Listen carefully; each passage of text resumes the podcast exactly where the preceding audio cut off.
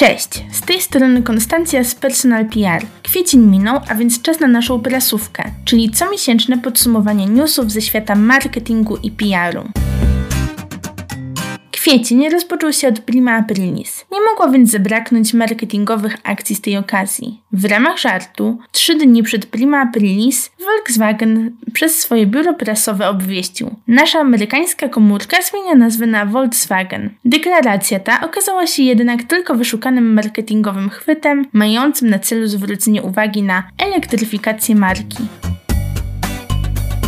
Na początku miesiąca pojawił się również nowy raport App Ani. Jego wyniki nie są dużym zaskoczeniem, bowiem TikTok w pierwszym kwartale 2021 roku był najchętniej pobieraną aplikacją. W okresie pandemii wielu twórców pojawiło się na TikToku, a wraz z nimi na platformie zaczęli pojawiać się również ich obserwatorzy. Z kolei to przełożyło się na wzrost współczynnika pobrań aplikacji z App Store i Google Play. Popularność TikToka w kwestii pobrań nie przekłada się jednak na aktywność użytkowników w ciągu miesiąca. W tym zakresie na pierwszym miejscu utrzymuje się Facebook. TikTok w tej kategorii zajmuje dopiero ósme miejsce. A skoro już jesteśmy w temacie TikToka, serwis wprowadza generowanie leadów, aby umożliwić markom pozyskiwanie nowych klientów. Jest to szansa na dotarcie do nowych grup odbiorców, ale także umożliwienie firmom tworzenia spersonalizowanych wiadomości zacieśniających więź między markami klientami.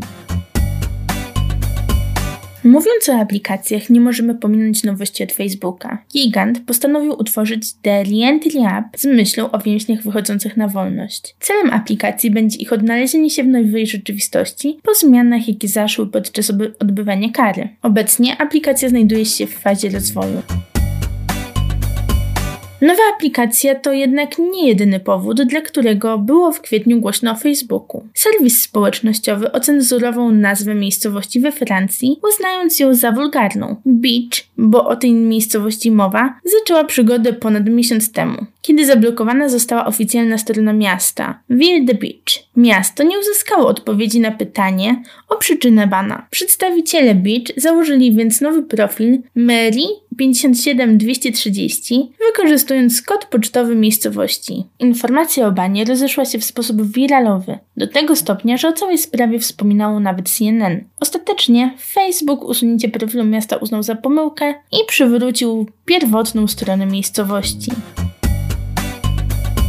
Wiralnym okazał się w kwietniu również krakowski lagun. Jak pewnie wiecie, Media jakiś czas temu obiegła informacja o tajemniczym stworze, który zawisł na jednym z drzew w Krakowie. Sprawą zajęło się Krakowskie Towarzystwo Opieki nad Zwierzętami, które krótko po interwencji ogłosiło, że pozornie niebezpieczna bestia, lagun, to tak naprawdę rogalik. Lagun stał się pretekstem do wielu interesujących RTM-ów. Jego popularność została wykorzystana też w szczytnym celu. Niektóre krakowskie kawiarnie, piekarnie, a także restauracje zainicjowały inicjowały akcję, w ramach której część zysku ze sprzedaży rogali przekazano na konto Krakowskiego Towarzystwa Opieki nad Zwierzętami.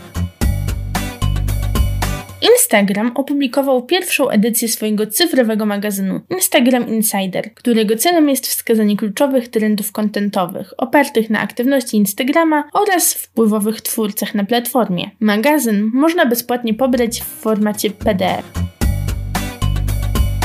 Skoro już o social mediach mowa, co na Facebooku robią seniorzy? Kontakt z najbliższymi, rozrywka, a może jeszcze coś innego? Odpowiedzi na te pytania zawarte są w badaniu naukowca z Uniwersytetu of Alabama w Huntsville. Badanie pokazało kilka ciekawostek o osobach w wieku 50+. Co ciekawe, są zaprzeczeniem stereotypowej osoby w wieku powyżej 50 roku życia. Według badania Osoby 50 plus zakładają swoje profile w social media w celu nawiązania nowych i utrzymania już istniejących relacji. Inne powody to chęć dokumentacji swojej codzienności i popisywanie się. Badanie pokazało także, że osoby starsze cenią sobie możliwość oglądania, jak czas wolny spędzają inni i sami również lubią pokazać, a niekiedy nawet upiększać to, co udostępniają swoim znajomym.